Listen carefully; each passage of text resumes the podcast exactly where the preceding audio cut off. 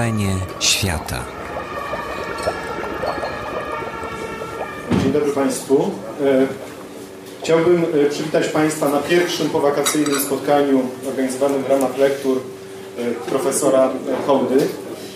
Spotkanie poświęcone jest książce pani doktor Aleksandry Wiszczyńskiej-Grabias na temat przeciwdziałania antysemityzmowi w kontekście stosowania instrumentów prawa międzynarodowego. Zaraz panią doktor przedstawię. Chciałbym przywitać wszystkich szacownych gości, którzy się tutaj zgromadzili. I może powiem tak ogólnie, że bardzo serdecznie Państwa witam i nie będę Państwa tak indywidualnie przedstawiał, bo e, będę szanował Państwa czas, a długo by to trwało, gdybym na przykład miał wymieniać tytuły Pana mecenasa Pietrzaka chociaż. E, proszę Państwa, natomiast chciałbym przedstawić naszych e, panelistów.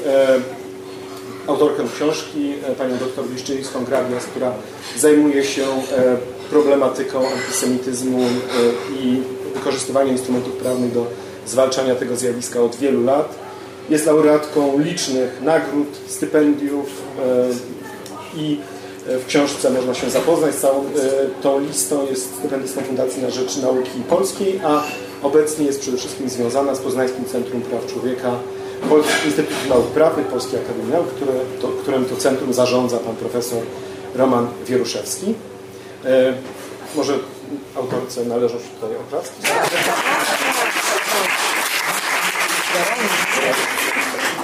Chciałbym przywitać e, panią docent Hannę Makińską, dyrektorkę Biura e, Rady Europy w Warszawie, e, osobę, która jest związana ze światem dyplomacji i praw człowieka od wielu lat, osobę pracującą na Wydziale Prawa i Administracji, czyli moją koleżankę z Wydziału Prawa i Administracji. I koleżankę z Komisji i chciałbym przedstawić także Igora Jankę, który chyba już sobie nie życzy, żeby do niego mówić panie redaktorze, ale dla mnie zawsze będzie redaktorem Igorem Jankę. Sam coś redaguje. Współwłaścicielem e, i założycielem portalu Salon24, osobą, która w zasadzie współtworzyła ten, ten portal. E, e, teraz pracującym dla firmy Bridge spółka ale przede wszystkim zarządzającym Instytutem Wolności, czyli think tankiem, który działa w ramach, e, kształtuje debatę publiczną, e, twórcą książek, które się sprzedają w ostatnim czasie jako bestsellery. E, proszę Państwa, dzisiejsze spotkanie jest spotkaniem pierwszym otwierającym nasz, nasz sezon lektur profesora Hołdy. Ja może dla tych z Państwa, którzy być może nie będą mogli dotrwać do do końca dzisiejszego spotkania chciałbym e, powiedzieć, że kolejne spotkanie odbędzie się w październiku. Jeszcze nie mamy sprecyzowanej daty e, i będzie to spotkanie poświęcone książce Polskie Morderczynie, czyli temat mocny. Pani profesor Monika Płatek zgodziła się wystąpić w charakterze komentatorki. Autorką książki jest pani Katarzyna Bonda. E, chciałbym także Państwa uprzedzić, że spotkanie jest nagrywane przez e, Księgarnię Rzymie Świata. E, tutaj słusznie zaznaczono wiadomo, bo tak, bo teraz w współczesnej Polsce wiele rzeczy jest nagrywane, ale tutaj gdyby Państwo wykorzystując swoją wrażliwość prawną chcieli na przykład zakwestionować coś później, to Państwo mają teraz świadomość, że pozostając na tej sali wyrażają Państwo zgodę na nagrywanie przez Księgarnię Rzymie Świata. Proszę Państwa, y, ja chciałbym zacząć nasze spotkanie od y, cytatu. To jest y, fragment, to jest w zasadzie całe zdanie odrębne, czy, czy oświadczenie sędziego Tomasa Birgenthala, sędziego Komitetu Praw Człowieka Narodów Zjednoczonych w jednej ze spraw, które są dość szeroko omawiane w tej książce. Tomas Birgenthal napisał tak. Jako były więzień obozów koncentracyjnych w Oświęcimiu i Sachsenhausen, którego ojciec, dziadkowie ze strony matki i wielu innych członków rodziny zostało zabitych w nazistowskim Holokauście, nie ma możliwości innej niż wycofanie się z rozpatrywania niniejszej sprawy. Chciałbym spytać się Pani doktor, co spowodowało i jakie miało to konsekwencje, że profesor Birgenthal, wybitny prawnik, zdecydował się na sformułowanie takiego oświadczenia. W jakich sytuacjach składa się tego typu oświadczenia? Dobry wieczór Państwu. Mam nadzieję, że poprawnie, tak jak tu Pan instruował, trzymał ten mikrofon. Pan doktor zaczął od takiego mocnego cytatu i, i dlatego też, tak jak, tak jak to powiedziałeś, bo chyba mogę, tak? Będzie mi łatwiej. Jesteśmy na tyle od jakiegoś czasu. E, e, dlatego też zdecydowałam się, żeby umieścić je w całości, cały, te, cały, ten, cały ten cytat. E, może warto powiedzieć, kim, kim jest profesor Burgenthal. Um, urodził się w 1933 roku i dzieciństwo spędzał w obozach koncentracyjnych, z których ocalał wraz z mamą. Późniejsza jego kariera jest tak jednym z przykładów, z wielu przykładów niesamowitych dla mnie, szczególnie osobiście takich historii, kiedy właściwie z sytuacji beznadziejnych, z metropolii śmierci, e, z całkowitej beznadziei, e, później wyrastają kariery i życiorysy, które śledzimy z zapartym tchem i e, profesor sędzia Burgenthal jest przykładem takiej, takiej ścieżki życiowej, takiej kariery. On był sędzią Międzynarodowego Trybunału Sprawiedliwości, członkiem właśnie e, Komitetu Praw Człowieka e, ONZ, e, wówczas kiedy pan profesor Roman Wieruszewski był również w komitecie. Mm, I, I to zdanie odrębne zostało mm, zawarte, czy to oświadczenie zostało zawarte podczas rozpatrywania sprawy Folizon przeciwko Francji. Ta sprawa dotyczyła kłamstwa oświęcimskiego. Skargę do komitetu złożył Robert Forizon, jeden z najbardziej znanych negacjonistów e, europejskich. E, został on skazany przez sąd e, we Francji za wywiad, w którym negował istnienie komór gazowych i zwrócił się do Komitetu Praw Człowieka ONZ o to, żeby komitet stwierdził, że jego prawo do wolności słowa zostało naruszone. Mm, komitet tego nie stwierdził. E, uznał ostatecznie po długich debatach, e, że jednak w tym kontekście ta jego wypowiedź e, jak gdyby w całej takiej otoczce atmosfery antysemityzmu we Francji była elementem właśnie szerzenia postaw antysemickich i dlatego państwo francuskie mm, miało prawo zakazać głoszenia kłamstwa oświęcimskiego i miało prawo ukarać Horizona. No natomiast to zdanie odrębne było takim mocnym głosem, przypominającym, e, przynajmniej ja, ja to tak odbieram, o czym właściwie mówimy, kiedy mówimy o kłamstwie oświęcimskim. Bo nie tylko myślę, że o granicach wolności słowa, ale też o tym, że za jego pomocą rozpowszechnia, właśnie rozpowszechniany jest czy szerzony antysemityzm, że mogą być takie przypadki.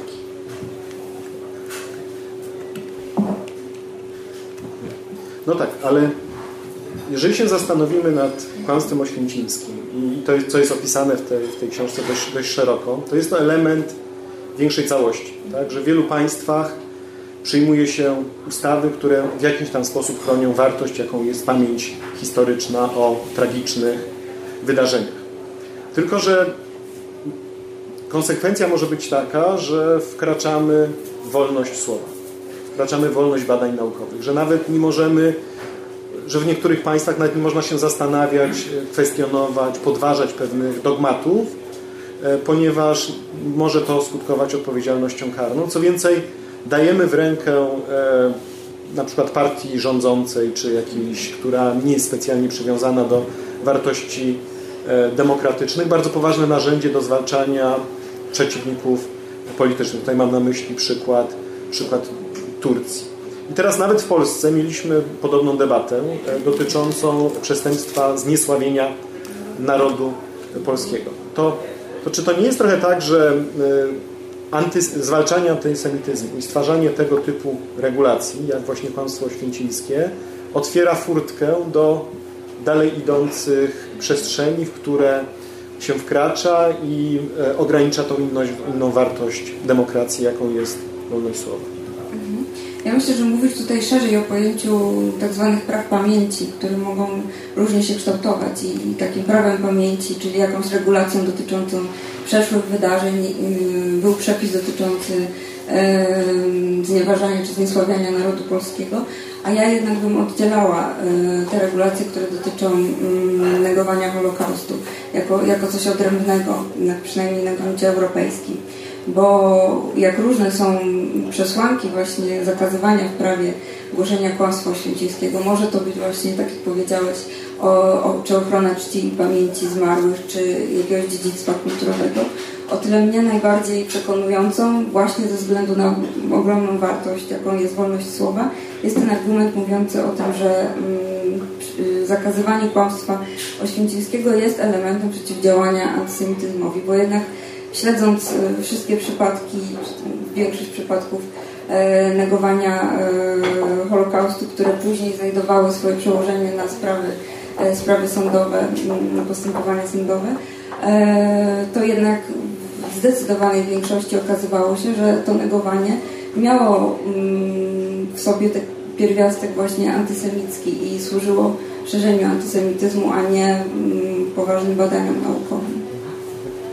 Ja teraz będę miał, będę miał pytanie do, na razie będę starał się tutaj za, zagospodarować wszystkich naszych komentatorów. Będę miał pytanie do pana e, redaktora, prezesa Igora Jankę, którego chciałbym przede wszystkim i Państwa przeprosić za moje zaniedbanie organizacyjne, ponieważ pan redaktor dostał książkę dzisiaj dopiero, natomiast jest, może nie jest ekspertem w temacie, ale ma doświadczenie, jeżeli chodzi o różne formy zwalczania e, antysemityzmu poprzez prowadzenie e, portalu, ale także redagowanie gazet i działalność dziennikarską przez, przez wiele lat. Czy panu, jak pan słyszy właśnie wypowiedzi przedstawicieli E, osób, które zwalczają mowę nienawiści, promują przestępstwa typu właśnie kłamstwo święcimskie. E, czy, e, czy Panu nie dźwięczy gdzieś, że, że no nie, ale zaraz, no mamy przecież wolność słowa, że demokracja powinna się obronić, że, że mamy jakieś różnych oczywiście osoby, które prezentują skrajne poglądy, ale może gdzieś wzorem Stanów Zjednoczonych, tej pierwszej poprawki, powinniśmy to gdzieś puścić, a i tak te poglądy, które są jakoś tam racjonalne, uzasadnione się się e, obronił. Jak to wygląda z Pana perspektywy jako dziennikarza, osoby piszącej? Dziękuję bardzo. Dzień dobry Państwu. Przede wszystkim dziękuję bardzo za, e, za zaproszenie. Postaram się wziąć udział w dyskusji nie znając e, książki i nie będąc prawnikiem i w żadnej mierze nie będąc ekspertem w sprawach prawnych. Powiedzieć o tym, co, z czym się w przeszłości stykałem i, i co ma jakie znaczenie w moim, w moim przekonaniu. Zakładając, że, że celem tych wszelkich działań tak jest walka z czymś, co jest ewidentnym złem, antysemityzm jest zjawiskiem strasznym, haniebnym, fatalnym, które należy próbować eliminować. To teraz pytanie, w jaki sposób e, możemy do tego e, doprowadzić, bo wtedy też jest poza e, dyskusją w pewnym razie w tym, w tym gronie. I jestem trochę rozdwojony, bo z jednej strony wielokrotnie e, eliminowałem tego typu treści e, z domeny publicznej e, własnymi rękami, we własnym, na własnym prywatnym, we własnym prywatnym medium, którym, którym zarządzałem. Uważam, że mam do tego prawo. Ja jako współwłaściciel wyznaczam jakieś granice które, dyskusji, które w tym miejscu są y, dopuszczalne i nie miałem z tym najmniejszego problemu. Tak? Skuteczność tego była różna, raz większa, y, raz mniejsza. W y, bardzo wielu innych miejscach w sieci tego jest znacznie więcej. Ale dla mnie było jasne, bo na początku sobie zadaliśmy takie pytanie, tak, że pewnie tego typu treści się pojawią, w związku z tym jak powinniśmy reagować. Właściwie dosyć szybko doszliśmy do wniosku, że reakcja powinna być jednoznaczna, czy powinniśmy to te treści blokować, eliminować, jasno, jasno odpowiadać, e, e, dlaczego, e, dlaczego to robimy. Natomiast miałem już dużo większe wątpliwości, czy za tym powinny iść, iść kroki prawne, bo z tym się wiąże bardzo wiele, bardzo wiele ryzyk. Prawda? Dlatego, że w dyskusji o, o historii polsko-żydowskiej, o, o historii naszego kraju, ten bardzo często łatwo był, zarzut antysemityzmu bardzo często był e, używany e, e, jako mm, no, był bardzo często używany w debacie politycznej moim zdaniem często był nadużywany. Nie, nie neguję tego, że ten problem w Polsce istniał, istnieje, aczkolwiek w dużo mniejszym stopniu już niż na szczęście jeszcze kilkanaście, kilkanaście lat temu ale jak powiedziałem, znaczy z jednej strony uważam, że tam, gdzie ja mogę w swoim prywatnej przestrzeni to eliminuję i, e, i, i nie mam z tym problemu, natomiast miałbym e, mam poważne wątpliwości, nie mam tu jednoznacznego poglądu, tak? Co do tego na przykład, czy należy ścigać e, kłamstwo oświęcimskie. Znaczy, jaki jest ostateczny skutek tego, tak? Bo dla, w moim przekonaniu o niebo większe, o niebo większe znaczenie mają wszelkie otwarte debaty na ten temat, najbardziej bolesne, najbardziej trudne. E, doskonale pamiętam e, debatę, w której gdzieś tam w środku byłem, może nie biorąc jej bezpośredniego udziału, ale e, obserwując ją, kiedy trafiłem do Rzeczpospolitej na początku lat 2000, kiedy była debata o Jedwabnem, która dzisiaj myślę sobie z perspektywy, zwłaszcza kiedy porównuję to, co się dzieje z antysemityzmem, z tym problemem w Polsce i w innych krajach, to mam wrażenie, że tego typu dyskusje e, mają, znaczy, że w Polsce ta dyskusja o, o Jedwabnym miała gigantyczne znaczenie. Z perspektywy czasu myślę, że jak różne rozmaite środowiska to przeżyły, niezależnie od tego, jakie stanowiska zabierały w tej dyskusji, tak? Czy uważały, że przepraszać tak, inaczej, nie przepraszać, e, ale e, wydaje mi się, że tego typu, wszelkie tego typu działania mają realne znaczenie, bo one realne do, doprowadzają do, e, długoterminowo do zmiany, zmiany świadomości opinii, szerokiej opinii publicznej, również tej, która ma z tym e, problemów. Czy też takie działania, jakie prowadził, e, też żeby pokazać przykład osoby, która dla wielu z Państwa pewnie jest kontrowersyjna, Jerzy Kropiwnicki, prezydent Łodzi organizujący wielkie obchody i przygotowujący wielkie obchody 60. rocznicy likwidacji getta łódzkiego, w którym kiedyś się tym interesowałem, z nim o tym rozmawiałem, pytywałem w jaki sposób do tego dochodził, jak to przygotowywał. I to było, no może, nie, może później o tym opowiem, ale uważam, że tego typu działania są dużo, dużo, dużo, dużo ważniejsze i dużo, dużo bardziej efektywne niż, niż działania prawne, które często noszą skutek taki długofalowo odwrotny. Ale tu jeszcze, jeszcze się do, dopytam, bo oczywiście E, mamy różne środki, e, kształtowanie debaty, dyskutowanie, oswajanie e, problemu może mieć znaczenie powodujące stopniową eliminację zjawiska. Ale no jeżeli weźmiemy, pójdziemy teraz do pierwszego lepszego kiosku, tak? znajdziemy czasopisma, różne tytuły o zabawieniu mocno prawicowym albo ekstremalnie prawicowym, gdzie jest promowany dość jawny e, e, antysemityzm. Osoby te są dość powszechnie e, znane, które są redaktorami tych pism. No to należy im pozwolić funkcjonować w ramach debaty, czyli jakby podejść na zasadzie takiej trochę amerykańskiej, tak? że a, jakiś te pół procent, czy tam zero promil społeczeństwa ma takie poglądy, zostawmy, inny promil ma poglądy skrajnie komunistyczne, czy jeszcze inny promil ma poglądy e, jeszcze idące w innym kierunku, prawda? I tutaj mamy ten wolny rynek idei, e, demokracja się e, obroni, bo ludzie są racjonalni i podejmują naturalne, naturalne związane ze swoim rozumem wybory, czy też raczej oskarżać te osoby, karać, wsadzać być może nawet do więzienia tak jak to ma miejsce, może w Polsce nie do końca, ale mm, w innych państwach zdarza się, że za, że za mowę nienawiści idzie się do więzienia, czy za kłamstwo oświęcimskie idzie się do więzienia, a wtedy te osoby wręcz urastają do, do miana e, bohaterów, które w polskim wydaniu mogłyby na przykład wziąć udział później w Marszu Niepodległości, tak? Bo jakby się przyjrzeć tym, którzy uczestniczą w Marszu Niepodległości, to różne persona tam się pojawiają. To jak, jak gdyby pan... No właśnie, tu byłbym bardzo ostrożny. Tak? Ja znam wiele osób, które e, brały udział w Marszu Niepodległości i e, w życiu, naprawdę w życiu nie, nie odważyłbym się ich oskarżać o, o, o to, że są antysemitami, czy w ogóle te poglądy do, są dopuszczalne dla nich. Oczywiście zapewne wśród, nie wiem, no, tam było, zwłaszcza w tym pierwszym marszu, ile brał udział, tak ze 100 tysięcy, czy ileś tam, wszystko w tłumie zawsze się znajdą 5, 10, 15 czy może więcej e, osób, ale bardzo bym namawiał tego, żeby ostrożnie z tego, za chwilę bym, no, cały Marsz Niepodległości to było wielkie zgromadzenie antysemitów, prawda, którzy chcieli nam to zorganizować kolejne, e, kolejne palenie, więc namawiam pana doktora Nie. do taki ład ostrożności.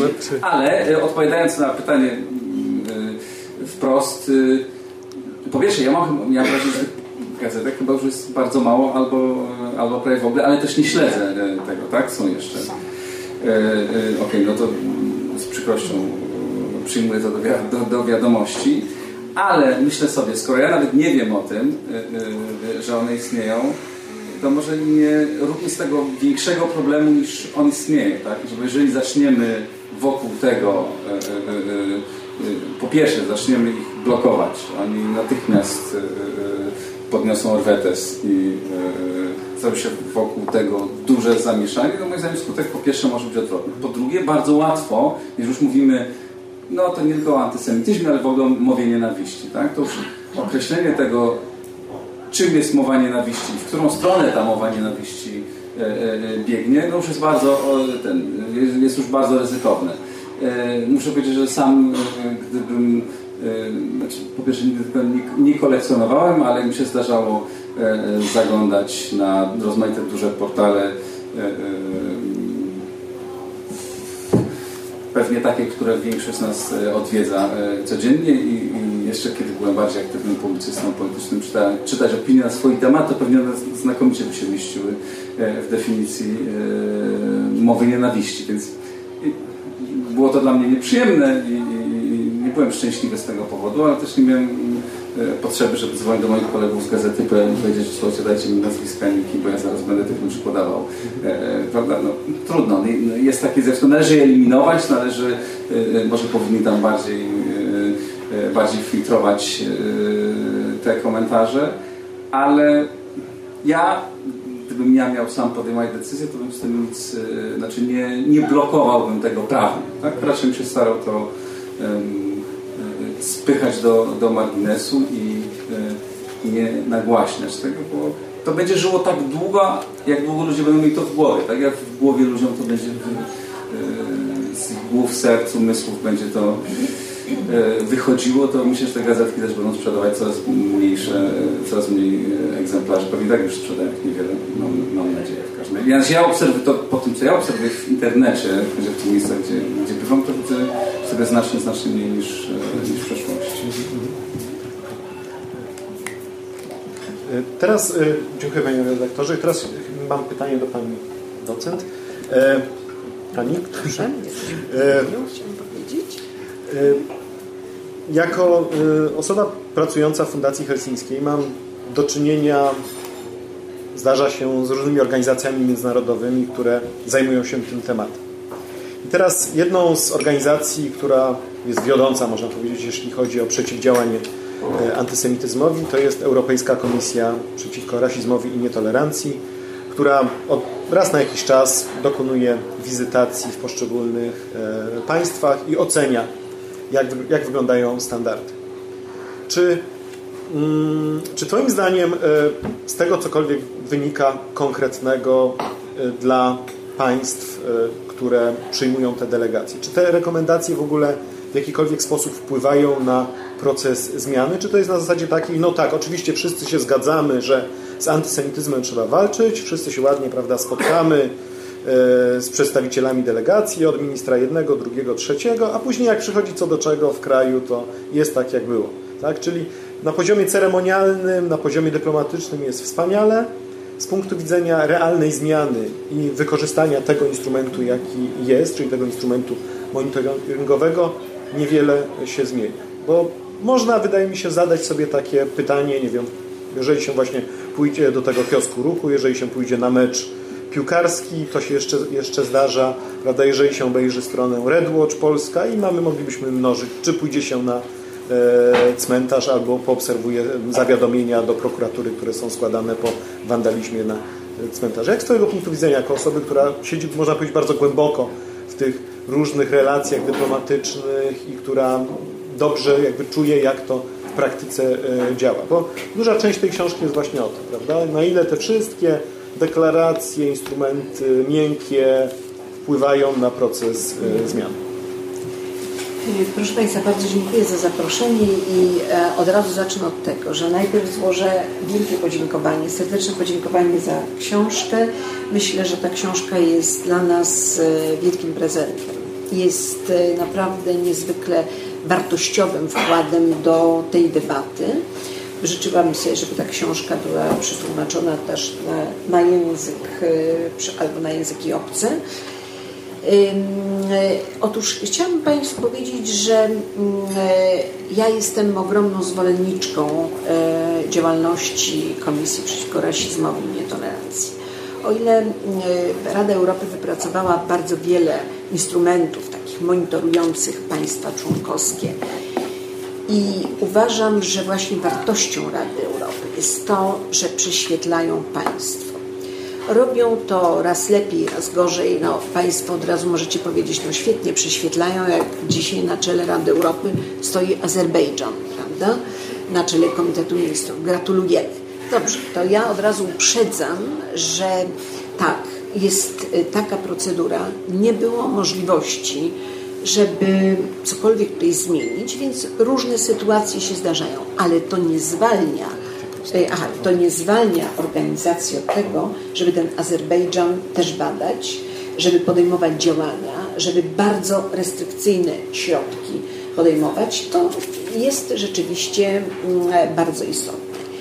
E, komisja ECRI, e, pamiętam, kiedy przeczytałam pierwsze raporty Komisji ECRI, to miałam takie wrażenie, że to jest taki rentgen, że to jest takie prześwietlenie Polski o wielu rzeczach wiedzieliśmy, o wielu sprawach nie wiedzieliśmy, ale na przykład jak w trzecim raporcie e, w 2004 roku e, pisze ECRI, no zobaczyliśmy, co się dzieje w kościele, gdzie jest wydawnictwo, jest księgarnia, która rozpowszechnia antysemickie wydawnictwa. Jak posłuchaliśmy Radia Maryja i wiemy, co Radio Maryja robi, to zwracamy uwagę rządowi, że to są działania niedopuszczalne. E, dzisiaj poszłam do tego kościoła. E, w tym kościele nie ma wydawnictw. Zmienił się proboszcz. E, zmienił się proboszcz, oczywiście. No ale myślę, że nie ma, po prostu nie ma. Ja uważam, że wśród wielu zaleceń, gdzie mówi się jednak każde państwo czuje się bardzo niewygodnie, jak się mówi, że jest klimat taki, takiego antysemityzmu w rozmowach prywatnych. ECRI bada nie tylko bardzo formalnie akty prawne, czy one prawda, eliminują, czy zakazują antysemityzmu i tak ale bada debatę publiczną. Wczuje, musi się wczuć w to, rozmawia z ludźmi teraz ostatnia e, runda, która się odbyła właśnie osób z ECRI, które przyjechały, delegacje ECRI, e, piąta runda, za chwilę będziemy mieli raport, to muszę Państwu powiedzieć, e, ja byłam zachwycona, jak od kuchni wyglądają te rozmowy, jak była organizowana ta wizyta, jaką wiedzę reprezentowali ludzie, którzy przyjechali, z kim personalnie chcieli się spotkać. Niestety to było, to już powiem, bardzo przykrą rzecz, y, dlatego że e, koniec tej wizyty był bardzo tragiczny, bo, ponieważ e, zmarł członek e, wizyty w Polsce. Na skutek to, było nie, to był nieprawdopodobny wysiłek. To była praca godzinami rozmowy, spotkania nieprawdopodobne. I z tego rodzi się pewien obraz Polski on jest lepszy, y, on jest wierniejszy od tego, co my odczuwamy, bo w naszym środowisku nie, wyma, nie, wypa, nie, nie można mówić, e, nie można zgłaszać jakichś uwag antysemickich. Nie wypada, po prostu nie wypada. E, natomiast my widzimy, jak to się na podstawie takiego raportu, jak oni odbierają w różnych środowiskach i, mówi, i mówią, jest klimat antysemityzmu. Są wydawnictwa, są organizacje, władza źle działa, źle działają sądy, źle działa prokuratura. Oczywiście to jest może nie tak wprost, ale jeżeli się przytacza e, e, postanowienie Sądu Najwyższego i mówi się wprost o Sądzie Najwyższym, że Sąd Najwyższy podejmuje taką i taką decyzję, która jest bardzo wątpliwa, to jest napiętnowanie dla Sądu Najwyższego. Mam nadzieję, że Sąd Najwyższy, rozumiem, że Izba Karna, e, przeczytał raport ECRI. E, mam nadzieję, że sądy, że prokuratury czytają te raporty. Ja uważam, że akurat to ciało Rady Europy jest skuteczne. I może jeszcze powiem, jaki jest element dodatkowy tej skuteczności, oprócz tego, że rząd musi odpowiedzieć. E, rząd e, tworzy prawda, taką platformę wymiany doświadczeń, e, informuje urzędników, szkoli urzędników, no, jest mobilizowany do tego, żeby pokazać zaraz w sprawach antysemityzmu tam robimy to, tamto, dziesiąte. To jest jeszcze taki jeden element, który moim zdaniem jest bardzo ważny, kiedy taki raport jest upowszechniany wśród młodzieży, kiedy pokazuje się nauczycielom e, raport, kiedy, a mogą się z tym zapoznać. Oczywiście, powiem Państwu, jest bunt. Czytają mówią, jest klimat antysemityzmu w Polsce. Co? My, antysemici? No skandal. Także te reakcje, ale te reakcje wywołują pewną refleksję. I to jest moim zdaniem właściwa droga prześwietlenia każdego państwa i powiedzenia, pokazania konkretnych wydarzeń, konkretnych zdarzeń. I tak jeszcze za mało. Za mało jest o sporcie, za mało jest o różnych takich wydarzeniach, ale naprawdę E, to jest, ECRI jest takim ciałem jednak mimo wszystko dyplomatycznym, no nie powiedzą no Sądzie Najwyższym, ty sądzik zwariowałeś, jeżeli wydajesz coś takiego. To jest w ogóle niedopuszczalne. Ale inteligentny człowiek sobie właśnie to może wyczytać. I, i ja sądzę, że e, ECRI to jest ogromna wartość Rady Europy. Dziękuję bardzo. Ja jeszcze chciałbym do, nawiązać właśnie do tego ostatniego, zaraz pani do, do, doktor będę miał jeszcze jedno pytanie, ale jeszcze chcę wrócić tutaj do pana redaktora. E, e, Chcę powiedzieć, że pan doktor mnie dyskryminuje, co w kontekście dzisiejszej dyskusji jest ważne, ponieważ z wszystkimi pan doktor jest na ty, ze mną również, a, perfidnie mówi per pan. Igorze, dobrze, zgadza się. Co służy raport mniejszości. Doktorami jest na. Tak, ja miałem takie szczęście, że dzięki profesorowi Sadurskiemu kiedyś przez chwilę prowadziłem blog w Salonie 24. Chyba to był ten moment, kiedy udało się przejść na ty, tak, ale zrezygnowałem niestety dość szybko. E, ale z czego? Z, z, blogu, z blogu, z blogu.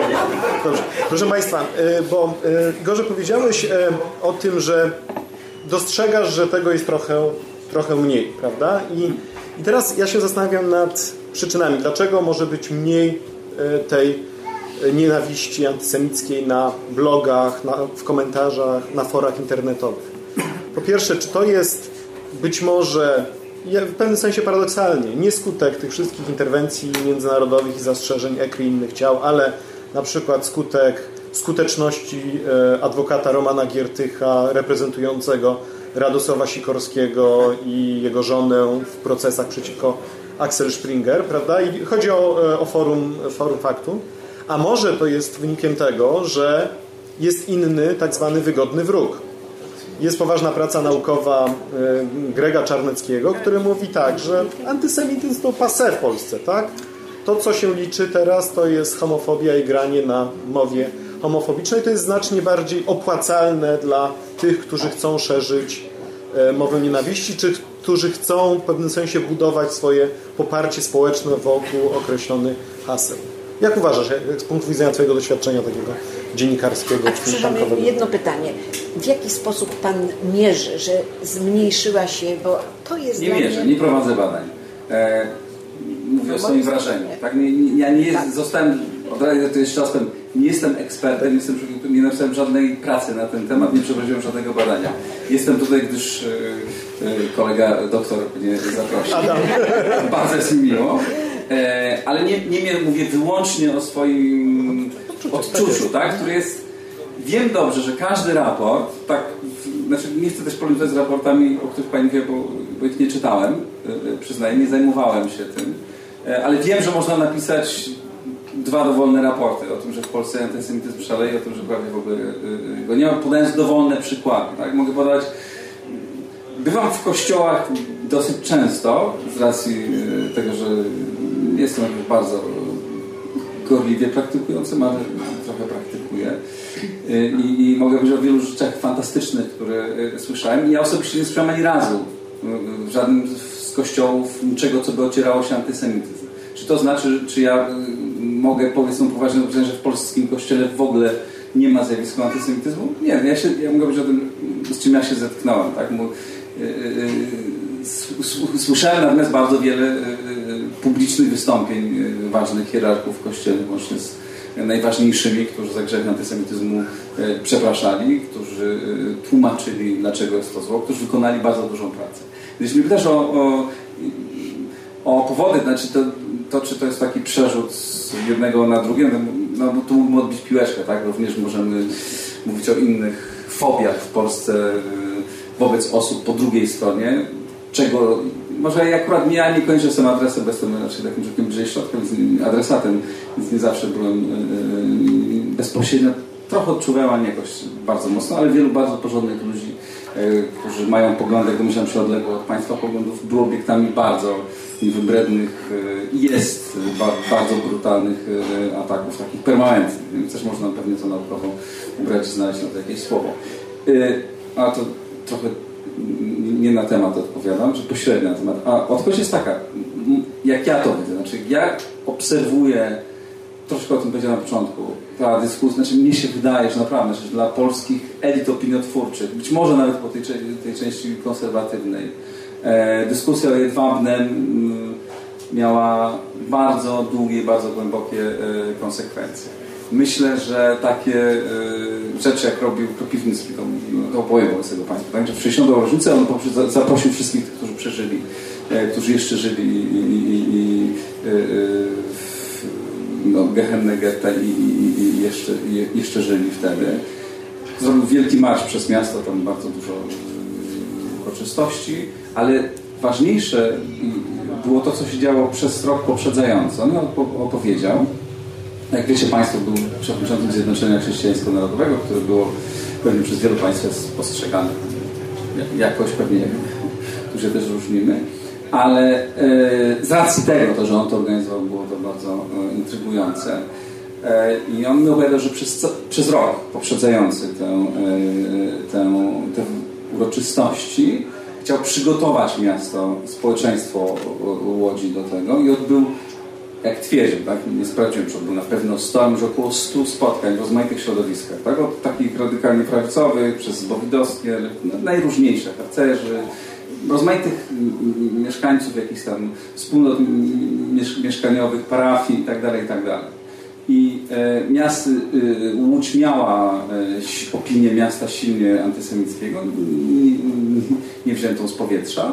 E, I nie, ja jestem głęboko przekonany, że tego typu działania, że on, dokończę, odbył bardzo wiele dyskusji z nim, dlaczego należy, e, dlaczego należy to uhonorować, dlaczego należy zorganizować te uroczystości, dlaczego e, dlaczego antysemityzm jest złem i tak dalej, i tak dalej. I w moim przekonaniu tego typu, tego typu działania odkładają się, tak? w bardzo różnych polach E, odnoszą dużo lepszy skutek niż bardzo agresywne piętnowanie, tak? niż wskazywanie i takie bardzo, e, bardzo łatwe oskarżenie. Zresztą tego typu działań również po tej prawej stronie było, było wbrew e, pozorom sporo. Miałem okazję uczestniczyć jako dziennikarz z prezydentem Lechem Kaczyńskim w Izraelu podczas jego wizyty. Muszę powiedzieć, nie, jeździłem często z politykami, takie zdarzyło się parę razy, zwykle one są średnio interesujące. Była to najbardziej poruszająca e, e, wizyta, jaką widziałem, znakomicie zresztą przygotowana. E, I e, on tam na miejscu wykonał bardzo wiele takich, myślę, ważnych, e, ważnych gestów, znakomicie, znakomicie przyjęty i też no, w swoim środowisku ten duch, te, te myśli gdzieś tam promieniowały i przecież to miało tego typu działania, również po każdej stronie, to, że prezydent państwa tak przepraszał za e, zbrodnie popełnione przez Polaków, niezależnie od tego, jak tam możemy się spierać co do faktów historycznych, to było trochę tak, czy trochę inaczej, to wszystko, moim zdaniem, te działania dużo bardziej się odkładają. Jeśli sobie porównuję e, na przykład sytuację w Polsce z e, sytuacją na Węgrzech, gdzie antysemityzm niewątpliwie jest e, dużo, dużo poważniejszym problemem, realnym, e, w, oczywiście mającym, to jednym z powodów, oczywiście na pewno nie jedynym, e, e, jest to, że oni nie mieli takiej e, tego typu dyskusji, tak? W ogóle nie mieli dyskusji o, o II wojnie światowej, poważnej, głębokiej horty. No, e, e, e, oni przez to nie przeszli jeszcze.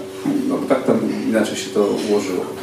E, I e, ja myślę, że tego typu działania są, że, że to jest powód, jeden z powodów, się świadomość, nie wiem, myślę, że dziesiątki imprez organizowanych, tak, festiwali kultury żydowskiej i to wszystko gdzieś tam, gdzieś tam, się, gdzieś tam, gdzieś tam się odkłada i e, myślę, że to jest kwestia pokoleniowa też, tak, że antysemityzm był bardzo silny w, w tym pokoleniu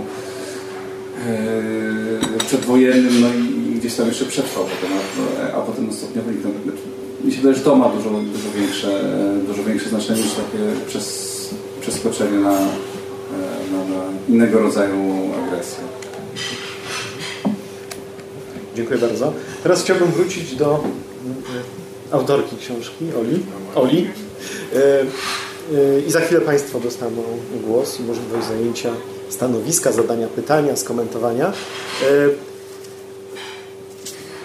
E, Przyjaźni się z jeszcze jednym redaktorem, Romanem Kurkiewiczem, z którym też jestem na ty. Roman Kurkiewicz aktywnie działa na rzecz Palestyny, na rzecz ochrony praw człowieka w Palestynie, przeciwdziałania torturom, przeciwdziałania agresji armii izraelskiej. I tak się zastanawiam, jak z nim rozmawiam, ale także z innymi osobami, które się zajmują Palestyną, także w kontekście tego, co się ostatnio dzieje w świecie, w tym rejonie. Jak można być krytycznym wobec Izraela, polityki w zakresie polityki międzynarodowej, w tym także polityki w czasie tego chociażby ostatniego konfliktu, a jednocześnie nie być narażonym na zarzut bycia antysemitą. Tak? To, co opisujesz w książce, to jest to pojęcie tego nowego antysemityzmu. Ale jak rozwiązać ten, ten dylemat, siedząc tutaj, tutaj w Polsce i e, czy, czy nie, nie istnieje niebezpieczeństwo, że jeżeli ktokolwiek mówi coś na ten temat, to ryzykuje, że zaraz dostanie dostanie łap, łatkę, prawda, że ma właśnie poglądy antysemickie i to wszystko z tego właśnie wypływa. Zanim odpowiem z przyjemnością zresztą na Twoje pytanie, to chciałam tylko e, tak, odnieść się do tego, co, co Pan redaktor mówił, czy Pan prezes. E, więc gazetki antysemickie, różne wydawnictwa mają się w Polsce nadal bardzo dobrze. Wystarczy czekając na pociąg wejść do pierwszego lepszego tak zwanego kiosku ruchu jakiś rok temu znajomy doniósł mi, że nawet ja znalazłam się w takim, co poczytuję sobie za, zaszczyt, bo byłam tam obok Tadeusza Mazowieckiego między innymi, tak spis, najnowszym spisie Żydów polskich, przy czym przy moim nazwisku było jeszcze coś bardzo atrakcyjnego, agentka Mossadu, więc ba, ba, bardzo mnie to... Pewnie, tak, ja też. E, natomiast y, no, ja to nadal widzę, znam już na pamięć te tytuły, one tam są mnie niepokojone. Jeśli chodzi o wpisy internetowe, to ja robię taki eksperyment zawsze, jak się w wydaniu mm, jakimś internetowym e, jednej z gazet pojawia nazwisko Michnik, albo kiedy on jest autorem, to czytam e, to, co się pojawia na dole w komentarzach. No, nawet trudno czasami e, przez to przebrnąć i jest, jest to nie tylko bolesne, ale też jest to naruszenie prawa. I tutaj, tutaj tylko jeszcze szybko nawiążę do, te, do pytania, które Ty, Adam, zadałeś, czy, czy w Polsce powinniśmy tak, taki model amerykański przyjmować wobec tych przejawów mowy nienawiści antysemickiej, mowy nienawiści obecnej w przestrzeni publicznej, czy, czy nie. My trochę nie mamy wyjścia, więc można jakby otworzyć tę dyskusję, natomiast obecnie obowiązujące przepisy i system europejski, w którym funk funkcjonujemy, i nasze polskie przepisy kodeksu karnego dają jasną odpowiedź na takie pytania i w momencie, kiedy nie są one stosowane, to jest to też według mnie przekaz społeczny, e, albo są stosowane w sposób czasami kuriozalny, co, co jest opisywane w prasie, e, to jakby ten skutek jest, e, to wówczas ten skutek jest odwrotny. Ja również jestem zwolenniczką jak najbardziej przede wszystkim działań edukacyjnych, dawania świadectwa przez osoby publiczne. To jest bezcenne, ale ja jednak ten pierwiastek prawny uważam za równoprawny i, i równie ważny.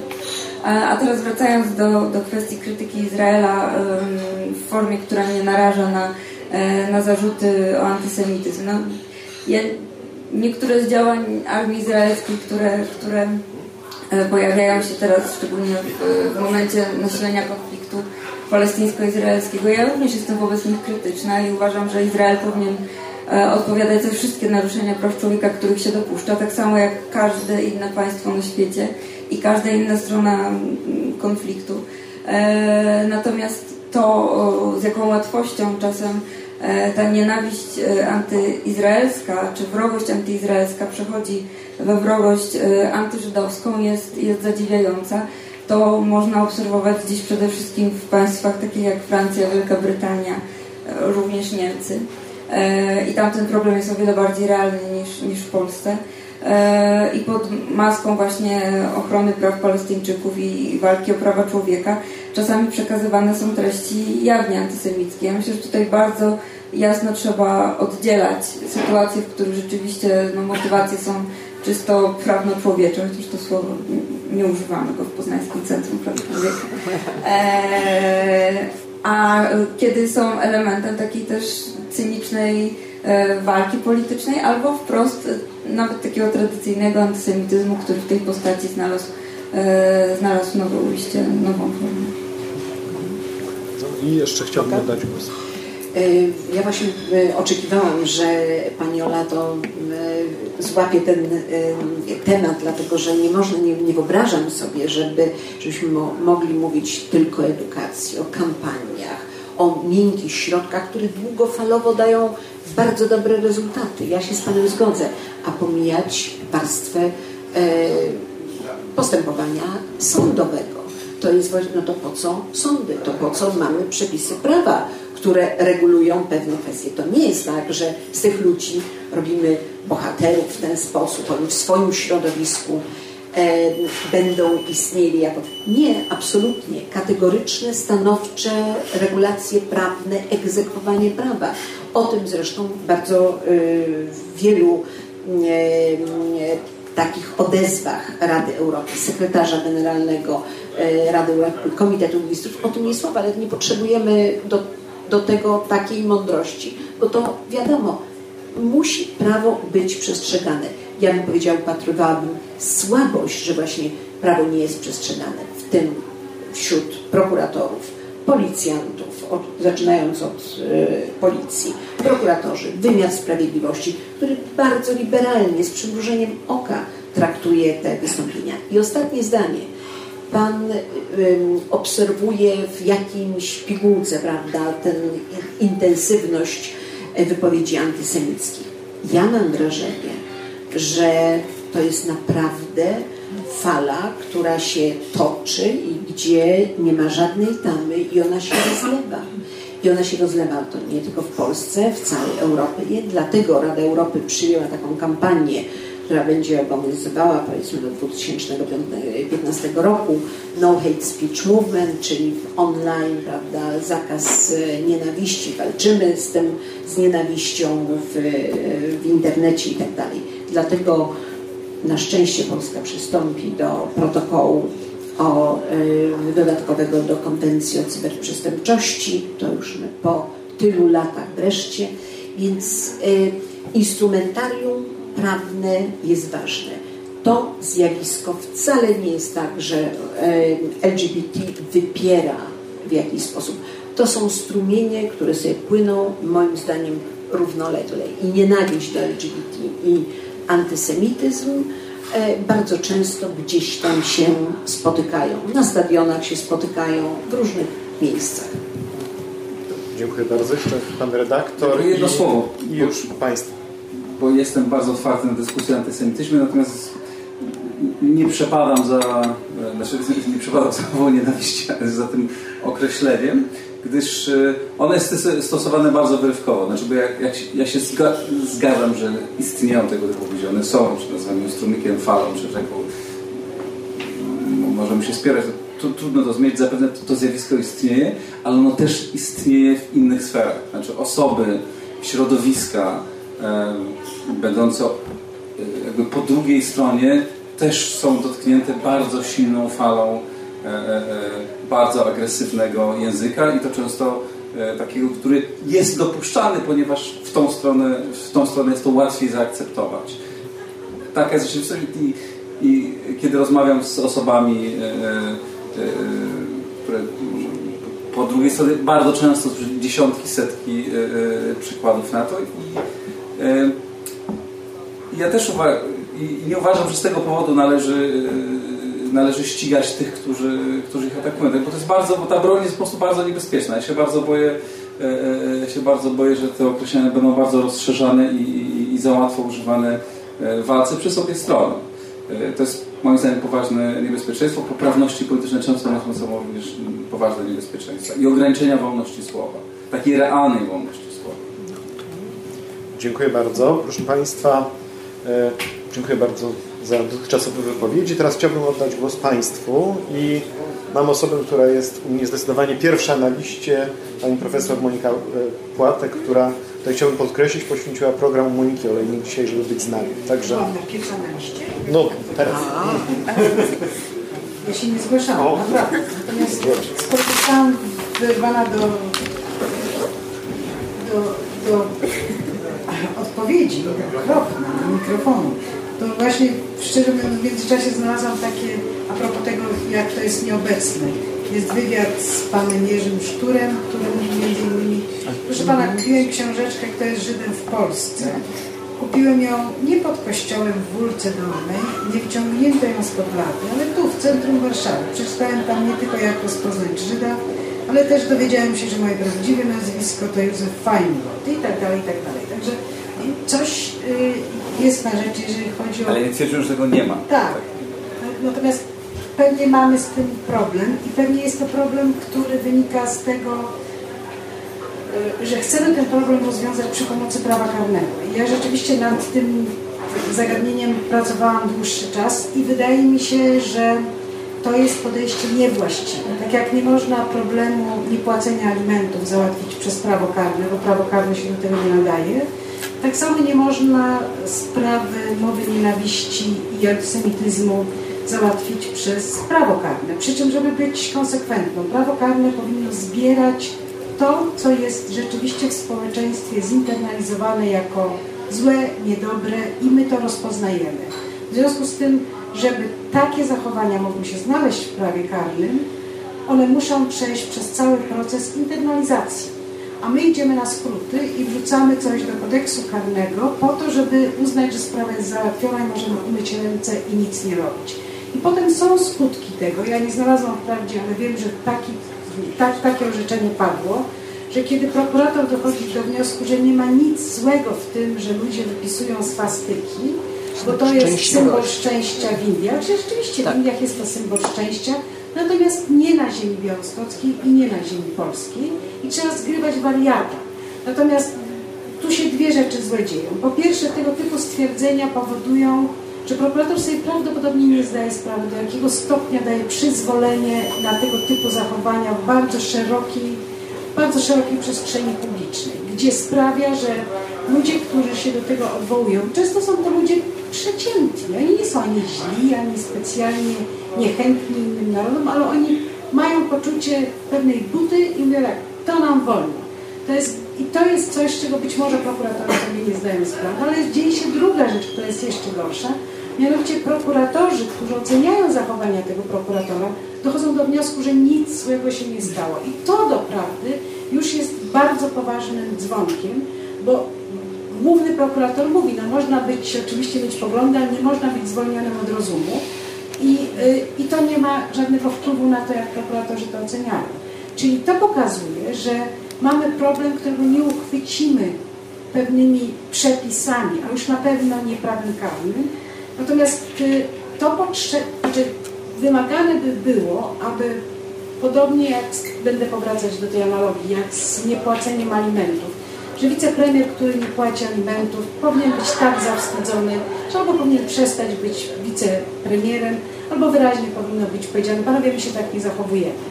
E, powinno być wyraźnie powiedziane, to jest przemoc ekonomiczna, panowie. Ale panowie o tym nie wiedzą. W związku z tym za wicepremierem idzie minister, idzie poseł, idzie senator. I idzie pewne zachowanie, które się przyjmuje.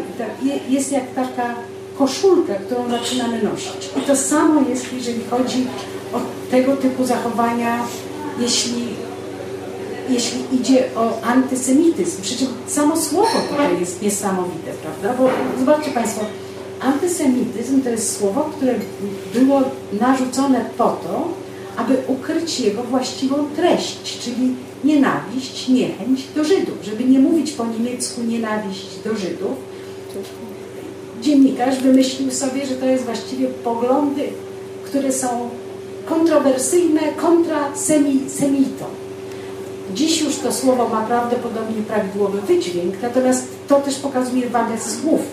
Antysemityzm nie do końca jest nazwaniem tego po imieniu, że to jest nienawiść do drugiego człowieka ze względu na jego rasę, czyli że to jest ten element niezwykle dyskryminacyjny, który my wykorzystujemy po to, żeby rzucić to jak błotem w człowieka, który nam przeszkadza. I on nam raz przeszkadza, bo zna języki, innym razem nam przeszkadza, bo się wywyższa, wywyższa w sensie osiąga, ma osiągnięcia, trzecim razem chcemy w ten sposób zniszczyć przeciwnika politycznego. W tych dwóch pierwszych przypadkach może czas jest sobie uświadomić, że my operujemy tym pojęciem, nie uświadamiając sobie poziomu naszych kompleksów.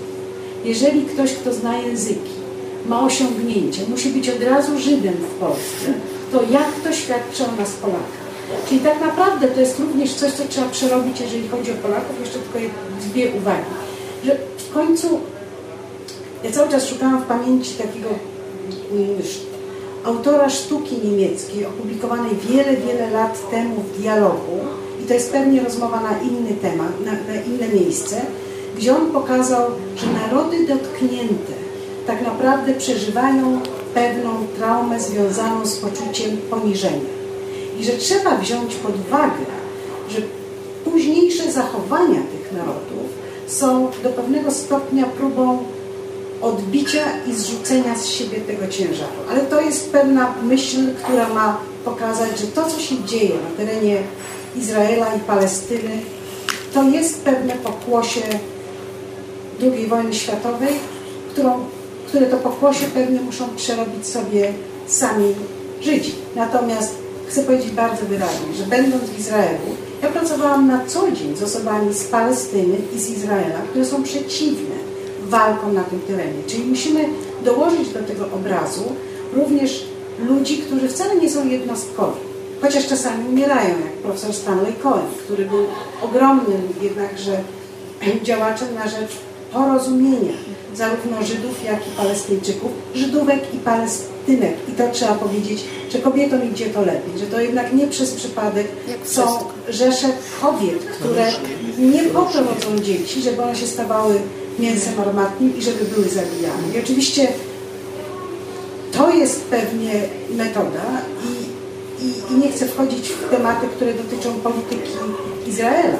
Natomiast pewnie właśnie trzeba postawić tą tamę, że z jednej strony mamy antysemityzm, który jest naleciałością tego, co było wcześniej, a z drugiej strony jest polityka Izraela, która jest bardzo groźna. Ja wiem, że Pan powiedział na, na zegarek, ale ja muszę powiedzieć o jednej rzeczy, która dla mnie jest strasznie ważna. Mianowicie, bo może, może nam się uda. Chodzi mi o kino Femina. Chodzi mi o kino Femina, które chcemy przerobić na żabkę, czy jakąś tam inną brudkę, czy Biedronkę. Biedronkę. I tak, nie jestem w żaden sposób związana z jakąś firmą, bo to było pierwsze pytanie redaktora Gazety Wyborczej, czy ja reprezentuję interesy Ja nie wiem, jaka to firma. Natomiast nie chodzi o to, że istnieje w Polsce ustawa o ochronie zabytków narodowych. Ja sobie zdaję sprawę z tego, że my żeśmy nie wiedzieli o tym, że w kinie Femina w czasie to było getto. To był teren getta. Za murami getta. Nie, wiedzieliśmy. No większość z nas o tym nie wie. Większość z nas nie wie o tym, że na, na terenie kina Femina Jurandot zrobił teatr. Tam przez cały okres, nie przez cały, przez dwa lata działał, działał teatr. Jeżeli Państwo weźmiecie, nie przez przypadek, wydaną w tym roku, jeśli może w zeszłym, ale to jest chyba w tym roku wydana książka, ileś tam lat po śmierci Jurandota, który nie odważył się tego wydać w czasie, kiedy żył w Polsce. Jeżeli nie jesteśmy stanie wydać czegoś, co świadczy o tym, że jesteśmy Żydami w Polsce ludowej, a później nawet już w Polsce wolnej, to znaczy, że mamy z tym problem. I wydał wspaniałą książkę, która opisuje. Aktorzy często grali tylko kilka dni, bo ich wywożono do gazu, żeby ich zamordować. I na to miejsce przychodzili następni. Budynek przetrwał. Przetrwało miejsce. To jest zabytek klasy zerowej. Tak naprawdę nie, nie można mówić, że my na to nic nie możemy poradzić, bo niszczenie tej historii, i to jest to, na co chcę zwrócić uwagę, zniszczenie tego, tak naprawdę będzie się przyczyniać do tego, że będziemy mieli więcej problemów w Polsce z rasizmem, antysemityzmem, z naszymi kompleksami, a nie mniej. Tam można zrobić ośrodek, który będzie działał jako ośrodek kultury, porozumienia, pojednania. Wymyślcie Państwo, co chcecie. Natomiast zupełnie jestem przekonana, że gdyby w tym teatrze chociaż raz zagrał Karol Wojtyła, byłoby to oczywiste, że jest to zabytek i że trzeba, i, trzeba to zachować. Przez ponad dwa lata działający teatr w getcie, czyli miejsce, gdzie było pokazane, ci ludzie potrafili się bronić i potrafili zachowywać swoją, swoje człowieczeństwo, dbając o kulturę. To się zachowało. A teraz my to zniszczymy, to tak naprawdę naszymi rękami zrobimy to, co Hitler chciał zrobić i co mu się nie udało, a my mu damy prezent.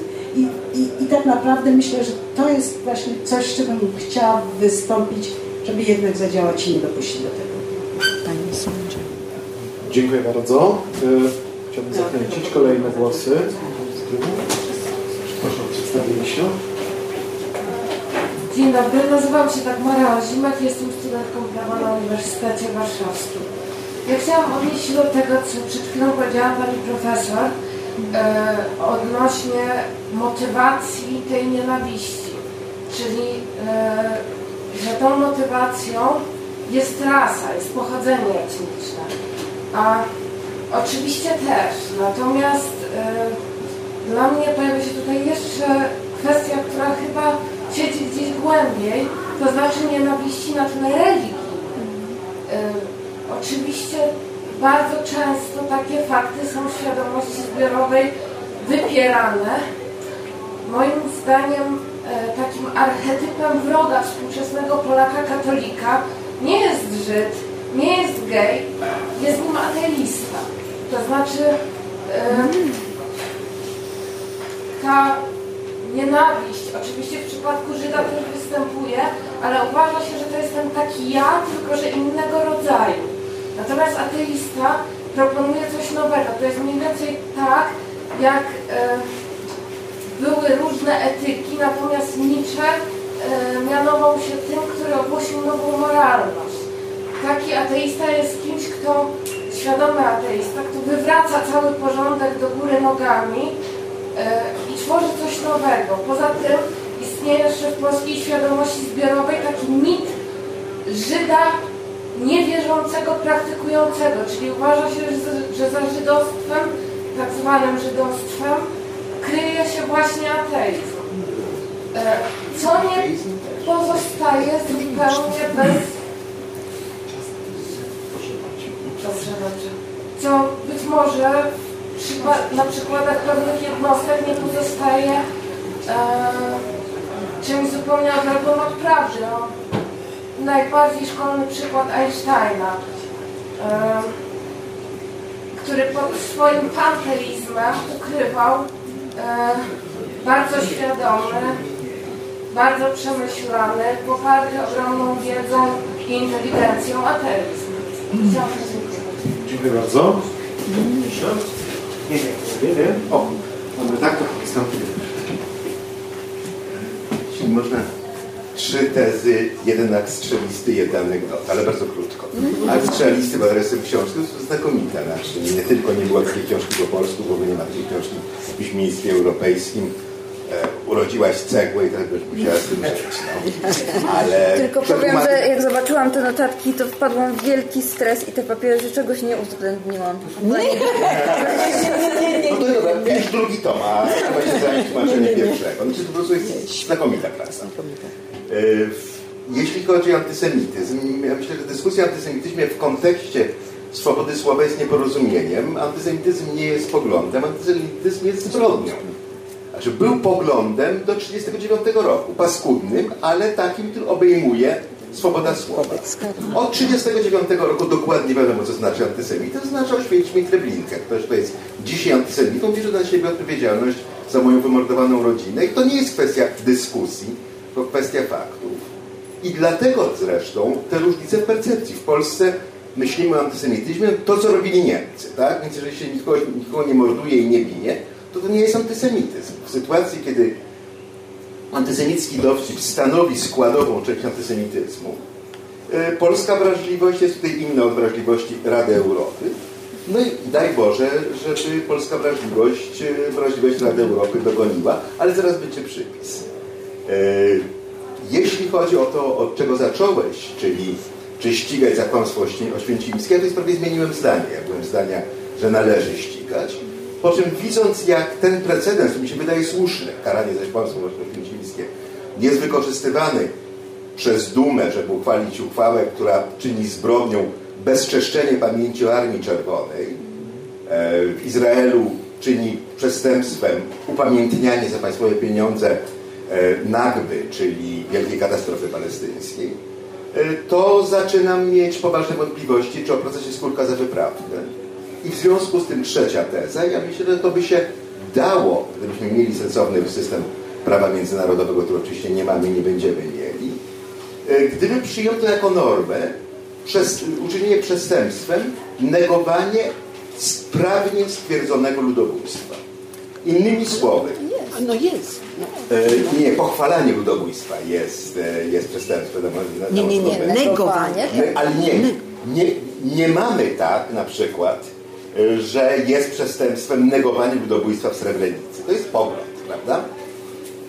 W- Nie, otóż to, w związku z tym, gdyby się udało rozszerzyć to, co w tej chwili jest nazywane kłamstwem oświęcimskim, na kłamstwo o ludobójstwie w ogóle, przy obostrzeniu prawnym, to nie było kwestią dyskusyjną, co jest ludobójstwem, to to by się dało obronić. Nie służyłoby jako precedens do takich groteskowych zapisów prawnych, jak ten pomysł e, o, o znieważenie narodu polskiego przez pomawianie go w udziale w zbrodniach komunistycznych czy faszystowskich, czy izraelski pomysł z Nagłą, czy rosyjski pomysł z Armią Czerwoną i tak dalej. Natomiast anegdota, e, ja jestem też bardzo dobrego zdania o działalności ECRI, ale ja uczestniczyłem w sporządzaniu raportu na pierwszy Durban w 2001 roku. E, Raport ten zajmował się w no, tej nowomowie e, potępianiem e, rasizmu, ksenofobii i związanej z tym dyskryminacji. I ja byłem jedną z tych osób, które usiłowały doprowadzić do tego, żeby padło słowo antysemityzm. E, Była absolutna zgoda, że nie powinno paść. Jak mi wspólnie wytłumaczyli wtedy ambasadorowie Francji i Rosji, e, nie można zajmować się każdym drobiażdżkiem. E, Słowo użyte było petty grievance. E, Na szczęście obradowaliśmy w Strasburgu i podczas obrad ktoś próbował podpalić synagogę w Strasburgu.